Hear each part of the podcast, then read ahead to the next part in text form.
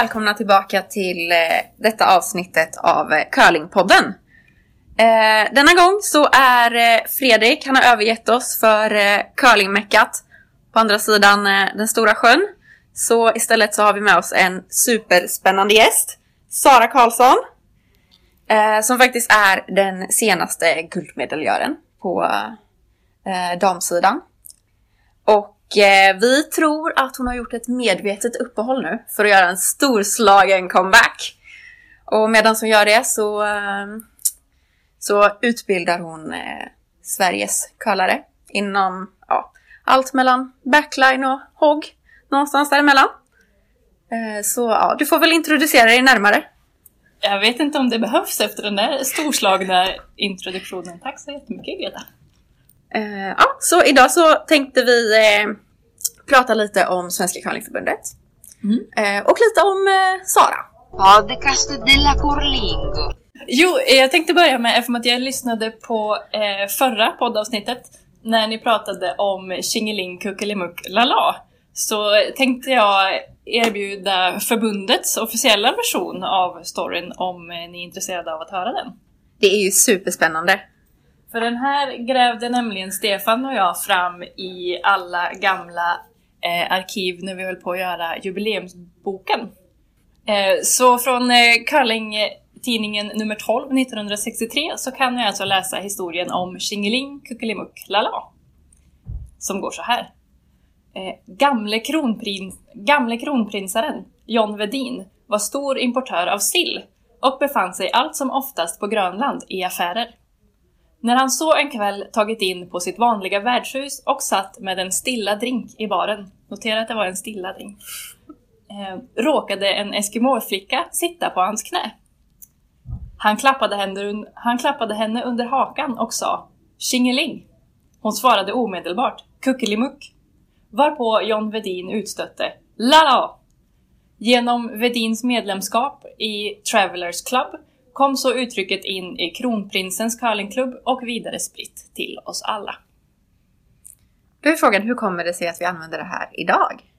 Och för att det kom ju då in eh, i kronprinsens curlingklubb där det började användas och sen har det spridits genom curling-Sverige. Och ja, utan att bli för politisk så kan man ju ifrågasätta lämpligheten att vi ropar det här på juniortävlingar och eh, allt möjligt. Men eh, så, så ligger det alltså till.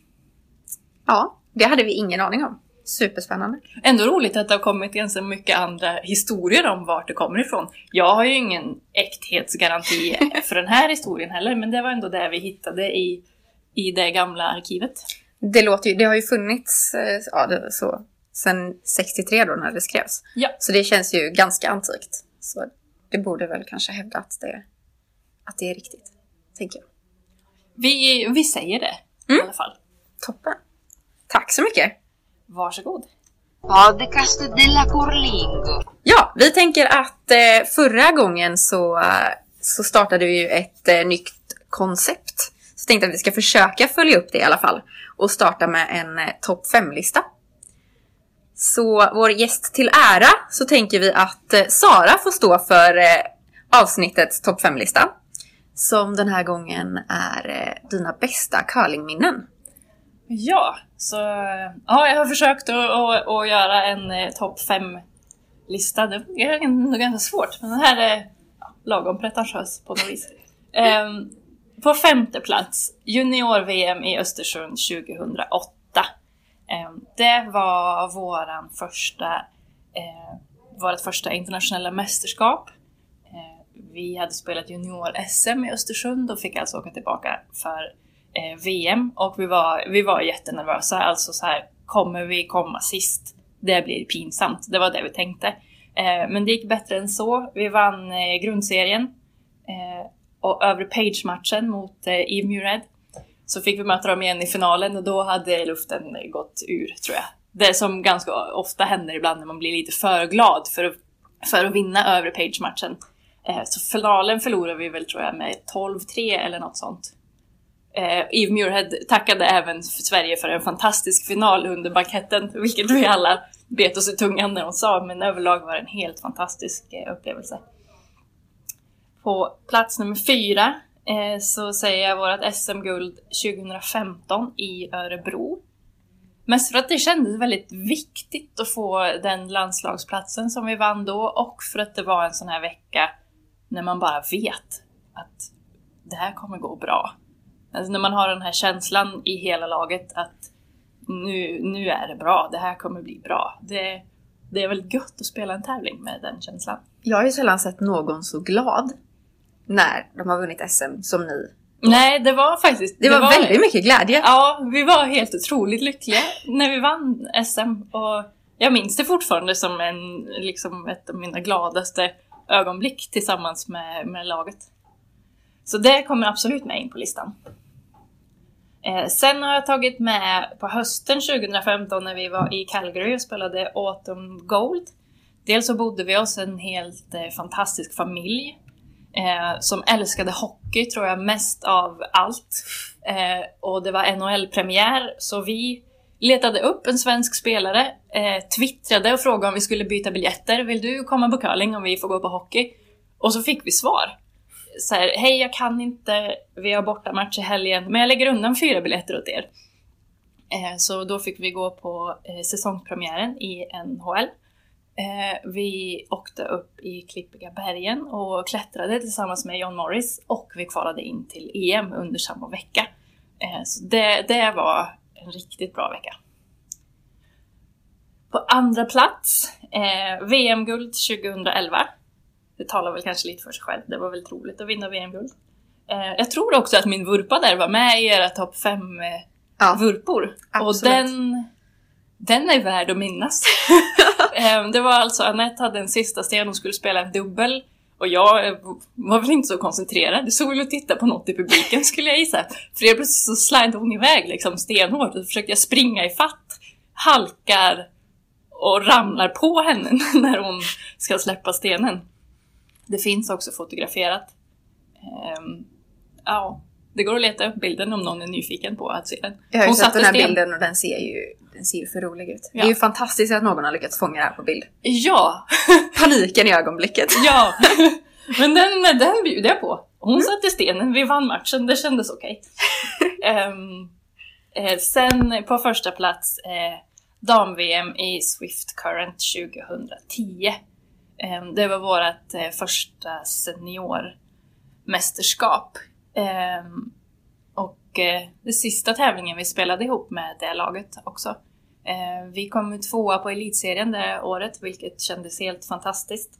Sen tackade Anettes lag nej till VM-platsen eftersom att de skulle spela OS ganska strax innan. Så ringde Stefan Hasselborg och frågade om vi ville spela VM. Han ringde till Sissi och Sissi ringde till mig och jag kommer ihåg att jag stod och höll en nybörjarinstruktion i Örebro. Och så ringer Cissi och bara så här flämtar i telefon och liksom knappt får ut någonting och så bara vi ska spela VM! Eh, och det, det var helt otroligt att bara få, få uppleva ett VM i, i Kanada. Det tyckte jag var jätteroligt. Vad var bäst? I Kanada? Ja. Ja men bara liksom att få vara där. Jag vet när vi gick in i arenan, vi hade ingen coach utan eh, Peja följde med oss som förbundskapten och coach. Så gick vi in i arenan där någon gång första dagarna och då sa Peja något så här Kolla tjejer, det här är belöningen för allt. Så här, och det, det hade han rätt i. Det var jätteroligt. Var det någon skillnad på att spela junior-VM i Östersund och det här VMet?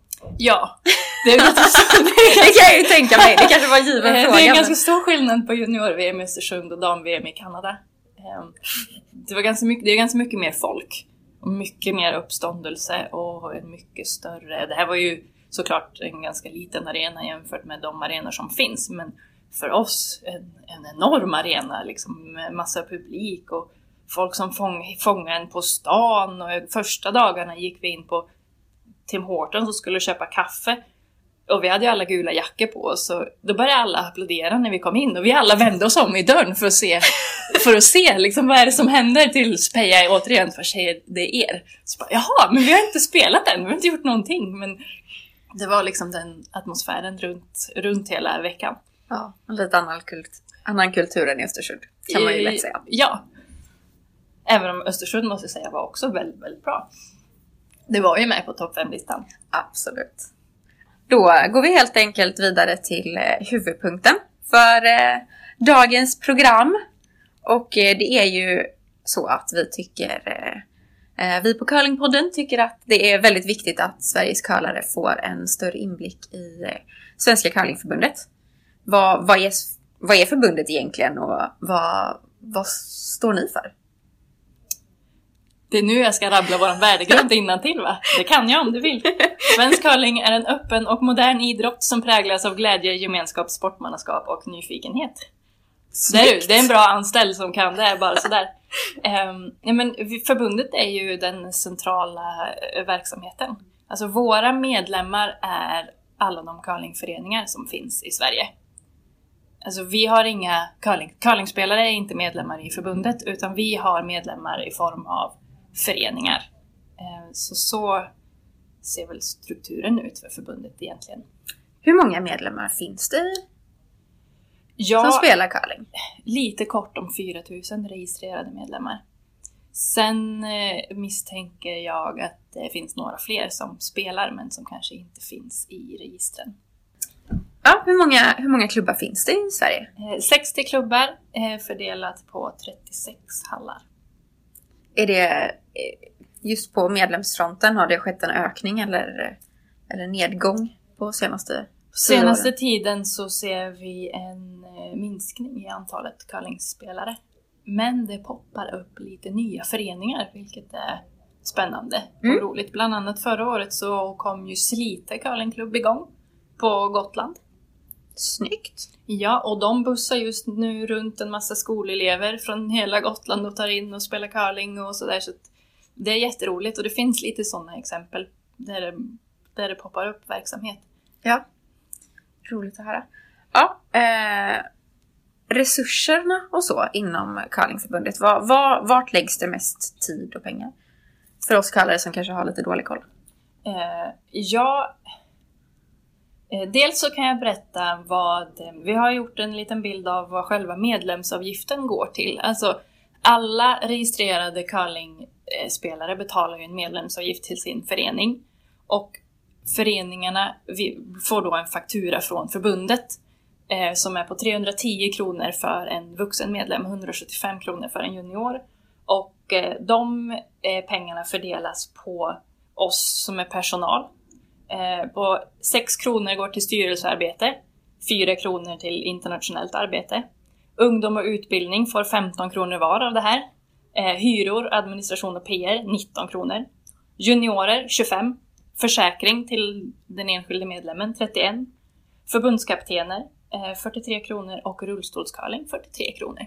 Det är det som medlemsavgiften går till jag tänker att det är ganska viktigt att folk vet vad medlemsavgiften går till, för jag tror att det är många som tänker att den går till att finansiera någon typ av elitverksamhet.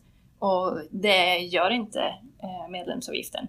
Förutom att det då eh, stöttar, eh, en viss del går till förbundskaptensrollen, men det är då även för juniorförbundskapten, mixed uppel och rullstolsförbundskaptenerna, så det är alltså inte, inte enbart Pejas roll som ligger under där. Nej.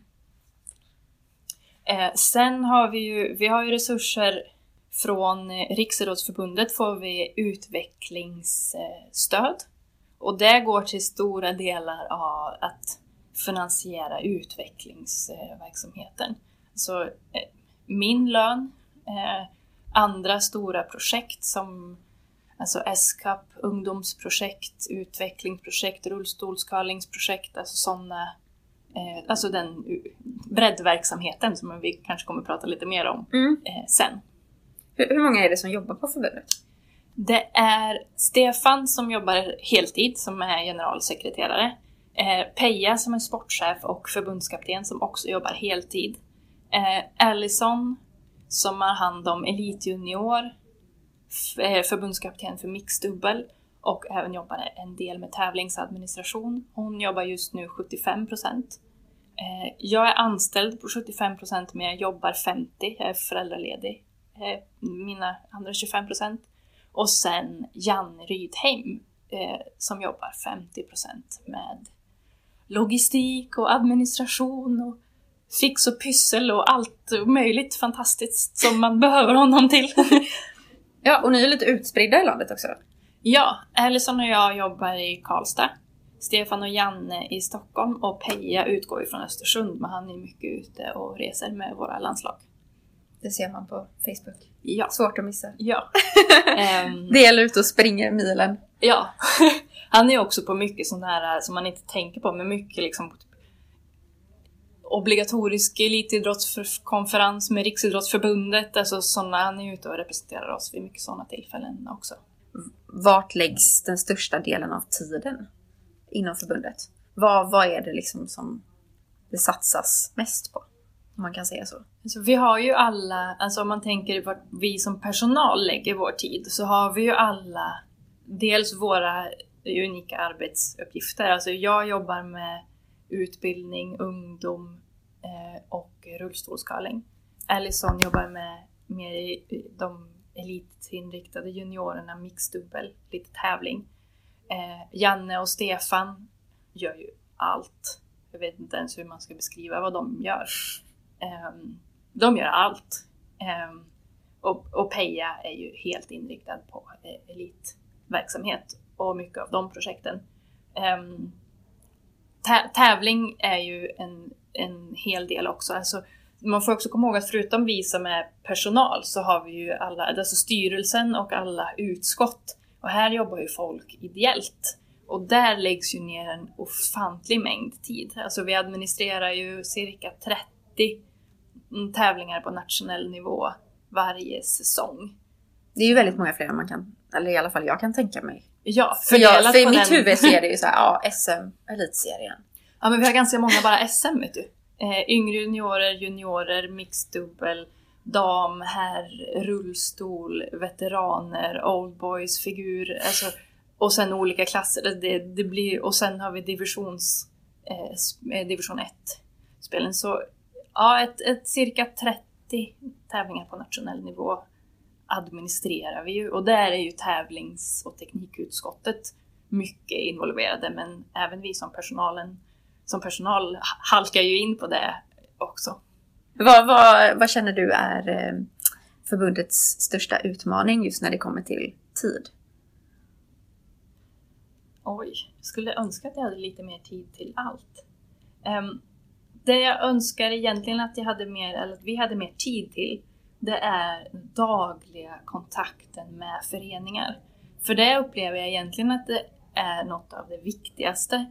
Men det är också det som jag inte hinner med när det blir för mycket att göra. För alltså, när, när det ringer och man har utbildningar som ska publiceras och det plingar i inkorgen, då blir det att man prioriterar bort att ringa till en förening och säga Hej, hur går det? Behöver ni hjälp med någonting? Det här idrottslyftsprojektet som ni håller på med, hur funkar det? Vad behöver ni? Ja, den här dagliga liksom, relationen med föreningar och med våra distrikt. Det, det är nog en stor utmaning rent tidsmässigt. För det kan ju jag känna igen mig när jag jobbade för, för Göteborgs curlingklubb. Mm. Att eh, när du eller någon annan på förbundet ringde, då, då känner man sig väldigt uppskattad helt plötsligt. Det är så här, oj nej men, tänker de på lilla oss här i Och ofta kommer man ju sydväst? på någonting bra. Alltså när man ringer och pratar med någon i en förening så, så, så har den ja men har ni något inom det här? Och så kan vi berätta att säga, ja men det har jag. Jag skickar någonting eller jag hjälper dig eller hör av dig och så, så skapas det kanske någon ny liten idé eller något engagemang och det och även, även att åka och hälsa på. Ehm, det gör ju ganska mycket för kontakten också och det är ju när man etablerar den goda kontakten med folk i föreningar som man kan finnas med och stötta verksamheten på ett bra sätt. Hur många klubbar har du varit i? Tror du? Ja, det är också en bra fråga. 75 procent kanske? Oj, det är ju ganska många. Men då kanske jag räknar med att jag har varit där som spelare också. Ja, ja, ja, och när man är självklart. där som spelare, alltså det har inte alltid varit så lätt att skilja på rollen vad jag gör när jag spelar curling privat. Och när, alltså, man är på något ställe och då passar man på att springa in och heja på någon. Och, eller ibland passar folk, på, få, passar folk på att springa ut och heja på en själv och man känner sig men jag ska spela match nu, jag är jätteotrevlig för jag säger inte ens hej tillbaka. Men, ehm, jag tror jag har varit på, i många klubbar, nu kommer säkert en massa klubbar höra av sig och vara jätteirriterade för att jag inte har varit hos dem. Men ja. Jag har, jag har, inte rä- jag har ingen räkning. Nej, nej, det förstår jag. Det är svårt. Men jag kan, jag kan känna igen mig i det där som du säger att det är svårt att skilja på. Är jag, ja men då som jag, när jag jobbade för Göteborgs curlingklubb. Ja men nu ska jag faktiskt eh, träna här en timme. Ja. Det är någon som, åh pebbeltanken läcker igen. Man bara, ja, Ja. jo, jag vet. Jag löser det om 45 minuter. Ja. Eh, Jo men det blir ju lätt så. Därför tror jag det är viktigt att hålla isär det där. Vilka forum man svarar i och på vilka tider man svarar. Och, ehm, ja, försöka styra det så gott det går. Jag är bra på det ibland men inte alltid. Jag tycker du är väldigt bra på det. Faktiskt. Måste jag brukar säga. säga nej när du ringer. det brukar du inte. ja.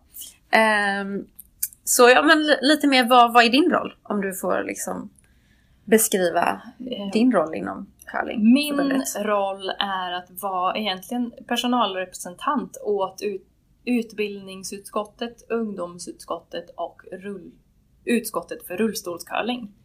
Ehm, så egentligen oftast är det så att det som de utskotten beslutar, det utför jag.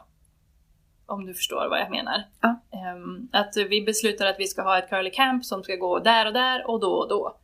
Då, då gör jag det curly camp. Liksom. Då ser jag ju till att det går ut en inbjudan, att det finns ledare, att det finns material, att det finns mat och, och sådär. Eh, så den funktionen har jag. Och sen, men när vi är ett litet förbund med många olika uppgifter så sen blandar vi och ger. Sen ringer jag Stefan och så frågar jag vad har du som jobb du behöver hjälp med den här veckan? Och så kanske Allison behöver hjälp med något och så, och så lassar vi över lite på, på varann också utefter ut efter behov och, och möjlighet. Ja.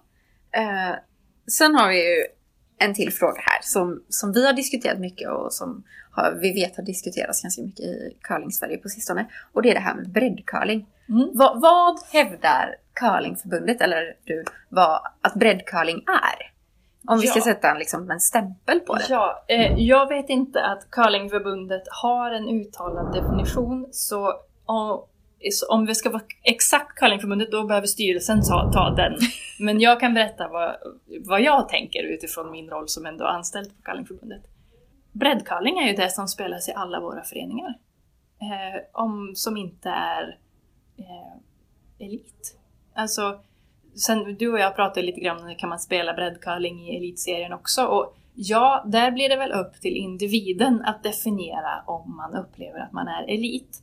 Men ur min roll som curlingförbundet så tänker jag att elit är det som vi arrangerar nationellt.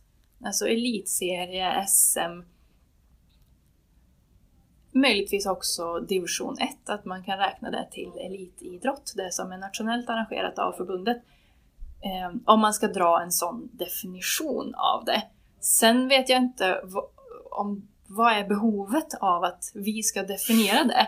Eh, för vi behöver ju såklart kanske ha, du vet, en viss typ av standard. Att okej, om det är elitserien så behöver det här finnas på, på plats för att vi ska liksom tycka att det håller en kvalitet för en elitserie.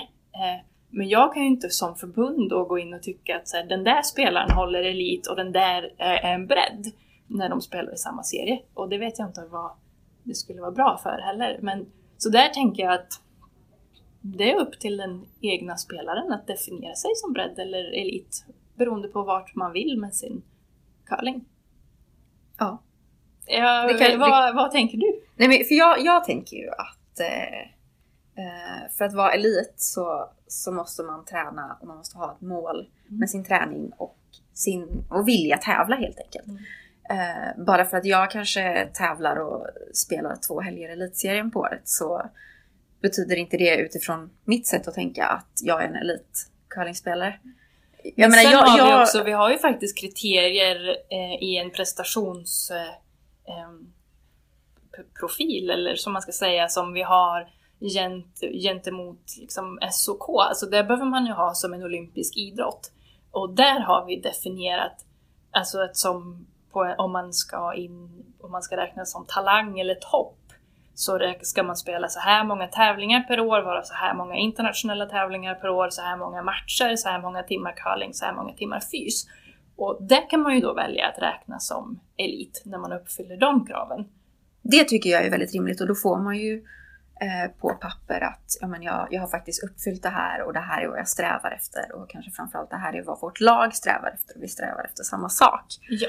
Eh, och eh, jag menar, där har vi bara ett exempel från, från förra året när, eh, eh, när Sundbyberg, eh, version äldre, Mm. vann eh, eh, var det elitserien eller SM? Elitserien. Elitserien och valde att tacka nej till, eh, till att ingå i ja, Mm. elitgruppen.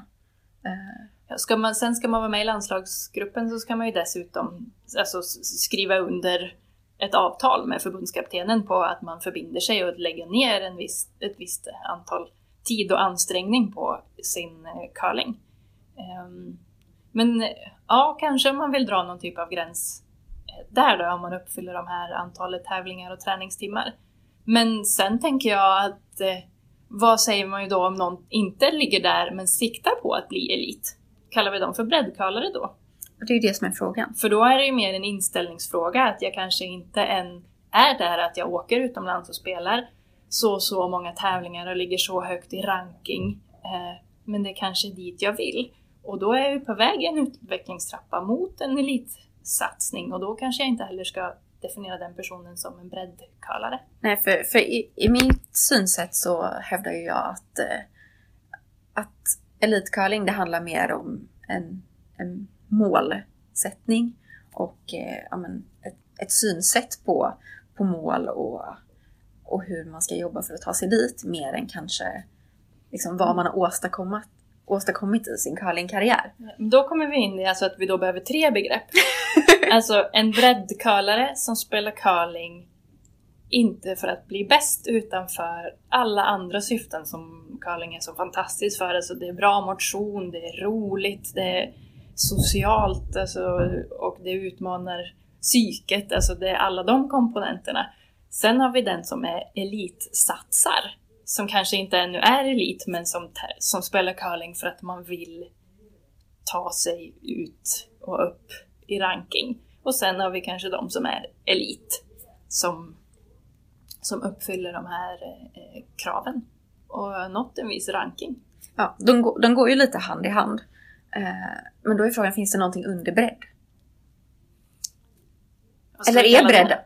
Bredd enligt dig blir allt? ett väldigt, väldigt eh, eh, brett eh, begrepp. Men om man tittar på våran, våran utvecklingstrappa eh, så har vi en utvecklingstrappa där man bör, som börjar med kul på is. Eh, eller med aktiv start och så kul på is som är liksom åldersbetonat. Men att man i varje steg av alltså den utvecklingstrappan går ju från att man är liten och lär sig eh, spela curling tills att man blir eh, landslagsspelare.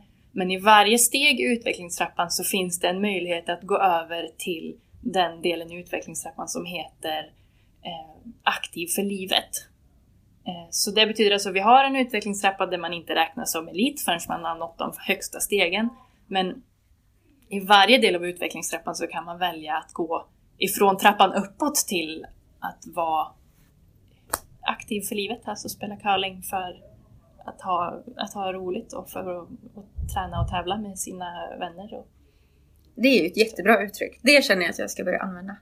inte bredd utan aktiv för livet. Ja! Ja men för att jag, jag tycker att enligt mig så är det skillnad på bredd och aktiv för livet. Enligt mig är bredd det som är steget under elit. Okej. Eh, Mm. De som men, känner att de ändå vill träna för att tävla. Mm. Eh, Det är också ett steg i utvecklingstrappan som heter träna för att tävla. Oh. eh, och att man kanske inte är det där om man är 65 plus och bara spelar tävlar, Men tävlingar alltså för att man tycker att motionär. oj oj oj, ja, nu börjar det bli invecklat, vi kanske ska sluta där. Ja, sen ska man ju också, vad ska man ha alla de här begreppen till? Mm. Ja, Annat än att debattera. ja precis. Ja, eh, ja men då kanske vi, då kom, kanske vi kommer in på det här med curlingforum. Eh, för jag, vi misstänker att eh, ni som jobbar på förbundet kanske då och då läser vad som står i curlingforumet. Och, och vi förstår ju att ni inte eh, vill ge er in i några diskussioner. För det är ju, ja, vi skulle nog kanske inte vilja att ni gör det heller. eh, men eh, det är ju så, så att vi, vi på Curlingpodden tycker ju att eh, det här med curlingforum är, är en väldigt bra grej.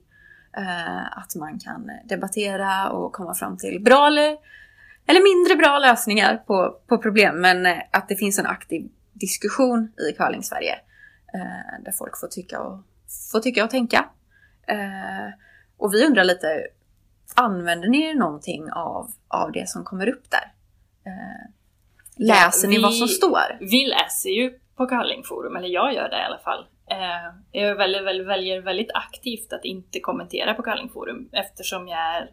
Alltså Facebook är jag privat. Eh, men det finns, jag, tro, det, jag tror inte, alltså kommenterar jag på curlingforum så blir jag förbundet. Ehm, så därför, eh, och det, curlingforum är inte ett forum där förbundet officiellt uttalar sig. Eh, så därför gör vi inte det. Det händer att jag lägger in någonting ibland som det med sist när det var någon som hade skrivit att det borde finnas en gren för dem som är upp till 12. Så här, ja, det finns, men jag hittar den inte. Ja, men då går jag in och så lägger jag in den länken där. Här finns den. Det är ett väldigt opolitiskt eh, ställningstagande. Ehm, vi läser eh, med jämna mellanrum så diskuterar vi det som eh, kommer upp. Eh, och eh, det har funnits tillfällen när vi har liksom så gjort någonting eller tagit, det till styr, tagit vissa frågor till styrelsen och så vidare. Men ehm, vi lägger oss inte i debatten. Inte i det forumet i alla fall. Nej, och det... Eller, enligt mig så är det ju väldigt givet att ni inte gör det just för att... Ja, det är ju, det är ju svårt att särskilja vem, när det är Sara Sara och när det är Sara Förbundet. Ja, ja och det, det är bara en väldigt enkel lösning att inte, inte vara där och, och peta i grejer. Ja. Utan också alltså, låta den... Jag tror inte att jag är så skräckinjagande att jag skulle döda någon diskussion, men alltså att låta den, det forumet hållas utan våran inblandning också. Podcast della Corlingo. Ja, men det här du sa med just eh, kidscurlingen. För Ja. att vi vet ju att eh, våra kollegor på eh, en curlingcast eh, diskuterade det här med, med att det borde finnas eh, spel för, eh, för de yngsta. Eh, och eh, vi vet ju faktiskt att det finns och att det heter kidscurling. Jag tänkte att du kanske kan, eh, kan utveckla det lite. Ja. Eh, Kids curling är alltså ett, ett sätt med tävlingsbestämmelser egentligen för eh, spelare upp till 12 år. Och där säger vi att så här, har man fyllt 12 eller 13, alltså det är inte att man ska dra en särskild gräns utan det är om man vill spela kids curling så är man välkommen att spela kids curling. Um, ehm, och det eh, går väl, alltså den är ju framtagen tillsammans med barn och ungdomsansvariga på Riksidrottsförbundet. Och eh, själva grundplåten är att man ska lära sig curling och det ska vara roligt. Um, så en, eh, dels så är eh, ledare alltid välkomna ute på isen i Kids Curling. Man får konferera fritt med sitt eh, lag medan motståndaren spelar. Ehm, en match är eh, fyra omgångar där man får två poäng för vunnen omgång, alltså inte för antal stenar. Ehm, spelarna får gärna rotera positioner mellan omgångarna. Första omgången är det, spelar man som vanlig curling, andra omgången också. I tredje omgången är det inga utslagningar och i fjärde omgången så får alla stenar i boet eh, poäng. Så där slås ju matchen öppen, som man ska, som man ska säga så. Eh, lagen får också extra poäng varje gång de lägger en center eller en cornerguard med ettans eh, stenar. Oj! Ehm, och sen eh, så får man eh, oftast, det här beror ju på lokal tävlingsarrangör, men det som vi rekommenderar är att man också ger priser för sånt som vi premierar att man ska liksom lära sig. Så man ger oftast priser till mest engagerade sopare, eh, mest positiva skipper, mest offensiva taktik, peppande laget Och så kan man ha oftast en tävlingsledningens egen utnämning för i den här eh, åldersgruppen så kan det, det kan hända grejer. Eh, så därför så brukar vi ha att rekommendera att tävlingsledningen utnämner någon för en bra, med en bra motivering till pris. Får man spela Kids Curling om man är 22? Ja. Det här lät superspännande. Ja, det får man. Det är jättekul. Eh, tycker jag. Eh, sen har vi ju då också till Kids Curlingen som, som träningskomplement här eh, curlingmärkena som faktiskt låg ute i curlingforum. Eh, Mm, de, jag har sett gjort bilderna dem. på dem, de är ju supersnygga. Ja, ja, han är så himla. Han har också gjort illustrationerna för själva eh, Kids Curling-designen. Eh, och det här är då eh, färdighetsprov i fem steg eh, där man ska klara av vissa uppgifter. Eh, det är också så att det ska vara roligt samtidigt som det är viktigt. I varje steg så ska man få med sig någonting som gör att man i längden kommer bli en bra curlingspelare. Så man ska ha en stabil slide, man ska ha en bra sopteknik, man ska lära sig grunderna i taktik och så vidare. Så får man då ett sånt här pin när man har klarat av sina färdighetsprov. Och ja, det är ju för kids, men vi gjorde ju dem på damlägret i Uppsala för några vecka sedan också, så det får man också göra även om man är vuxen. Hur många sådana här eh, Kids-tävlingar har ni haft? Inte så många. Det är flera, eh, det är inte så många, det finns inte så många kids-lag. Men eh, Östersund har jag arrangerat en som har varit jättebra. Eh, Sen är det ganska många arrangörer som försöker lägga till kids eh, till sina ordinarie juniortävlingar. Men det har varit svårt att få ihop tillräckligt med, med lag för att eh, genomföra dem faktiskt. Men vi har ju också då haft kids, kids eh, läger i samband med Curly Camp. Kommer det finnas någon Kids-klass nu på Karlstad? Det var inbjudan till en kidsklass, men det var inte några anmälda lag. Okej. Curlstad Sun Kids. Oh, vilket namn! Ja. Ja. Eh, Så inte så många kids, men eh, tävlingsbestämmelser finns i alla fall. Eh, för som jag förstod det så fanns det ett förslag på att man kan anmäla sig individuellt till Kids Curling. Ja. Men det här är ju också... Alltså Svenska curlingförbundet arrangerar ju inga kids-tävlingar. Utan våra föreningar arrangerar kids-tävlingar och då kan de använda sig av våra, vårat material. Så det är som en rekommendation. Liksom. Ja, så allt är ju egentligen våra rekommendationer. Sen gör ju den lokala arrangören vad den lokala arrangören vill. Nu önskar jag att jag var 12 igen. Vi kan boka in en, en kids-match med Ja. The Lightning Cobras, du och jag. Ja! Åh, vad kul! Nästa måndagsserie kanske. Ja, men då möter vi min mamma, vet, det är prestige i den matchen, det går inte. Attans! Ja. Ja. Om eh, någon där ute vill eh, komma och spela en kidsmatch mot oss så, så är det bara... Då är ni välkomna. Eh, I övrigt är ju juniorcurlingen då. Eh, för, eller det, det tycker jag i alla fall att juniorcurling är ju Sveriges framtid. Om vi inte har tillräckligt mycket med juniorcurlare som, som väljer att stanna kvar och gå upp och spela seniorcurling, då kommer vi inte ha någon topp eller bredd eh, i framtiden. Vad, vad tänker förbundet om, om det? Var det en svår fråga? Djup och stor fråga, Greta. Eh, det är klart att vi tycker precis som du. Alltså ungdoms, ungdomsverksamheten måste vara jätteprioriterad. Eh, men här behöver vi också skilja på, alltså som jag sa, att curlingförbundet har inga medlemmar. Curlingförbundet har föreningar som medlemmar. Så vårt jobb är att stötta föreningarna så att föreningen i sin tur kan rekrytera ungdomar. Och behålla ungdomar kanske framför allt för att det finns ju vissa magiska åldersgränser. Mm. Ehm, det är jätteviktigt. Och jag har ingen, vi har ingen så här universal eh, lösning på hur man gör det heller. Ehm, men jag tror att eh, ledarskapet är bland det viktigaste som vi måste satsa på. Ehm, jag tror också att eh, föreningsutvecklingen i stort är nyckeln. Alltså en förening som har en bra organisation, som har ledare, som har drivkraft de rekryterar juniorer. Alltså det är inga problem egentligen. Men jag tror att man ofta börjar nästan åt fel håll. Att man tänker sig vi måste ha juniorer. Och så springer man ut till skolorna och så har man provat på. Och sen har man inga ledare. Eller ingen träningsplanering. Eller inget material. Eller inga istider. Och så kommer det då eh, ett gäng juniorer som får testa curling och som tycker att det är jättekul. Men vad blir de erbjudna i nästa steg? Så där tror jag att vi behöver jobba tillsammans. Alltså vi behöver jättemycket jobb med att liksom stötta och marknadsföra och, och jag vet inte allt som vi skulle behöva vara med och göra. Men grunden är föreningen.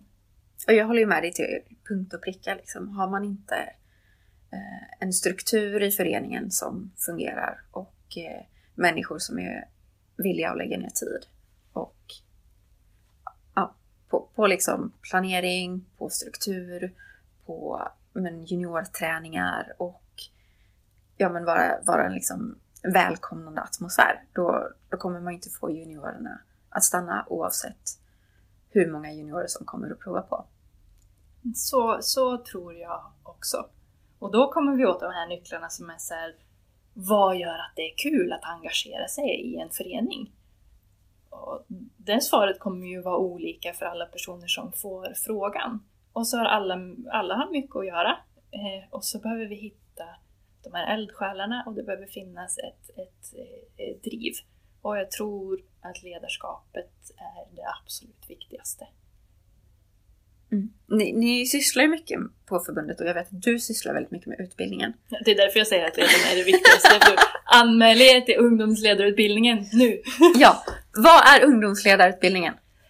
Eh, det är en ungdomsledarutbildning. Eh. Eh, där man eh, först går igenom ett eh, gäng olika kapitel på webben, alltså webbpresentationer. Är ni inte less på min röst efter den här podden så kommer ni vara det när ni har gått utbildningen. Man gör inlämningsuppgifter i form av träningsplaneringar, man lär sig hur förbundet fungerar, hur en verksamhet kan byggas upp, hur man söker pengar, eh, lite allmänt om det ledarskapet som vi står för inom Svensk curling. Och så gör man inlämningsuppgifter och så går man igenom. Det är lite om teknik och slide-teknik och sopteknik och så också. Eh, och sen när man har gjort all teori så samlas vi allihopa en helg med en utbildare och de som har gått utbildningen. Och så har vi eh, praktik, vi gör övningar kopplat till det vi har gjort på webben, lite på isen och en del inne i teorisalen och så gör vi säsongsplaneringar tillsammans och så som man kan ha utbyte av med varandra sen. Jag blev här lite ofokuserad för att tåget rullade förbi Ja. curlinghallen här i Karlstad. Det var som när jag hade kidsklassen på, på Curly Camp förra året. Det kom ett tåg och sju sjuåringar rusade till fönstret och skulle räkna vagnar. Jag känner mig lite på samma, samma vi nivå har här. hållit ett varsitt eh, Kids Camp, du och jag Greta. Vi, Tappra vi, vi, vet, krigare. vi, vi vet vad det innebär. Ja. Eh, men, hur, många, hur många har gått den här utbildningen och vad har ni fått för respons? Ehm, Vi har fått ganska bra respons på den hittills. Sen fick vi, får vi, alltså vi uppdaterar den också när vi får in, eh, när vi får in feedback så går vi in och försöker fixa det, det vi kan. Ehm, Det är ju ingen sån här superduper webbutbildning utan den, den, är, den är hemmasnickrad av, av oss för att kunna få ut materialet lättillgängligt för alla. Ehm, Men vi har fått mestadels väldigt positiv feedback från de som har gått den. Jag tycker att alla borde gå den. Bra Greta!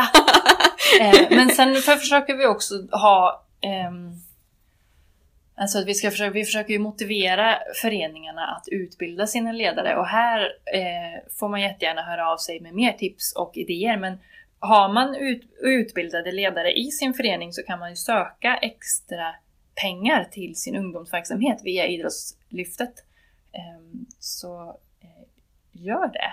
Jag tycker att det är en superbra morot, verkligen. Eh, att eh, om man utbildar sina ledare, att man kan söka.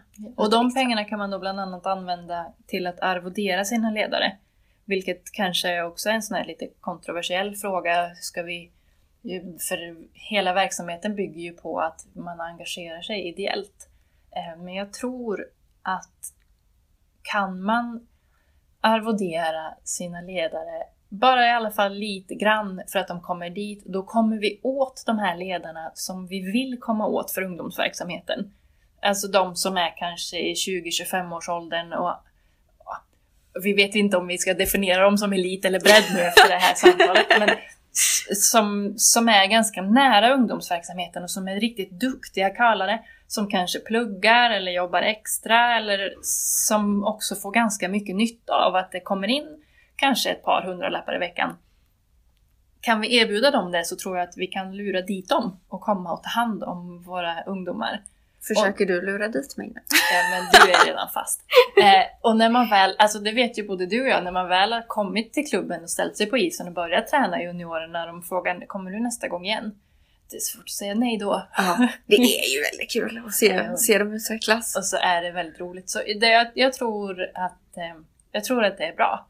Om man kan göra det så tror jag att man har mycket att, att tjäna på det. För jag tror att engagerade ledare kommer rekrytera juniorer.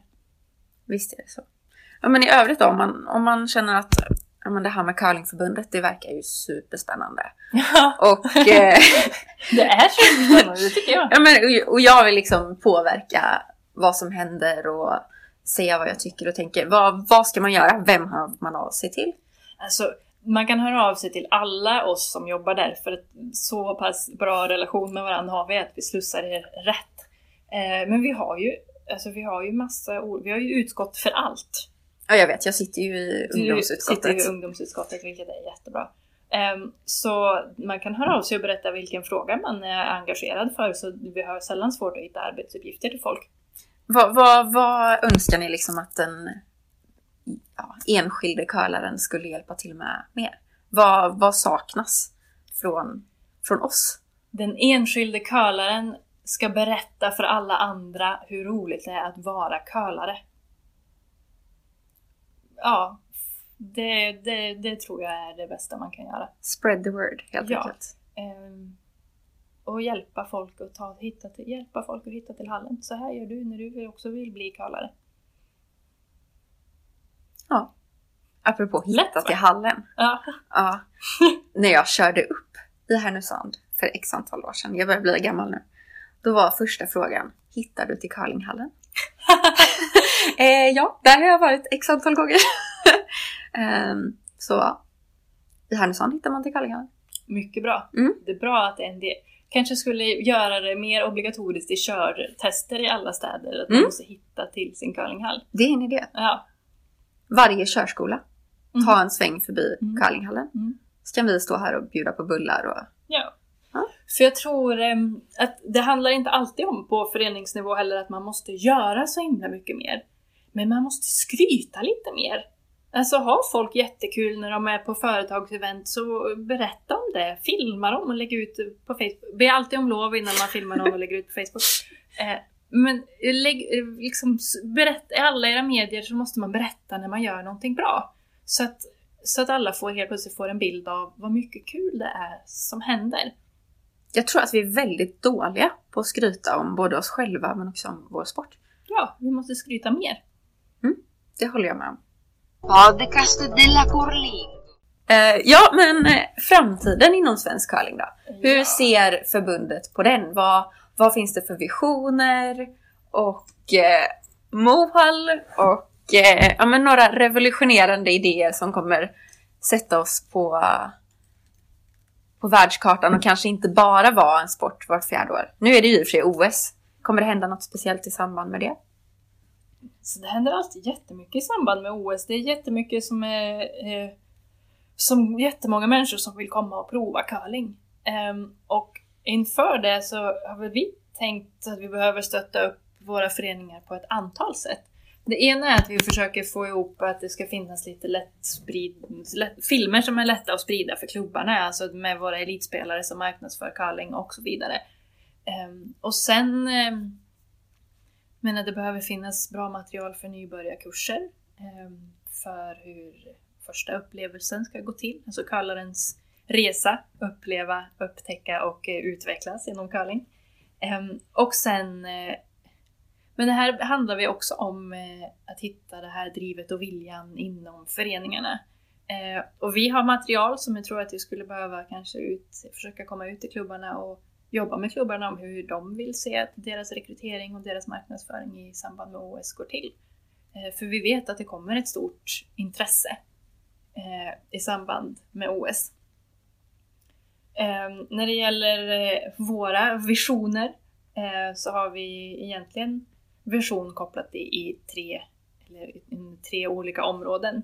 Där det ena är tillväxt, alltså hur många utövare finns och hur många hallar har vi och hur stor är nyttjandegraden i de hallarna? Ehm, kan vi växa där och hur ska vi göra det?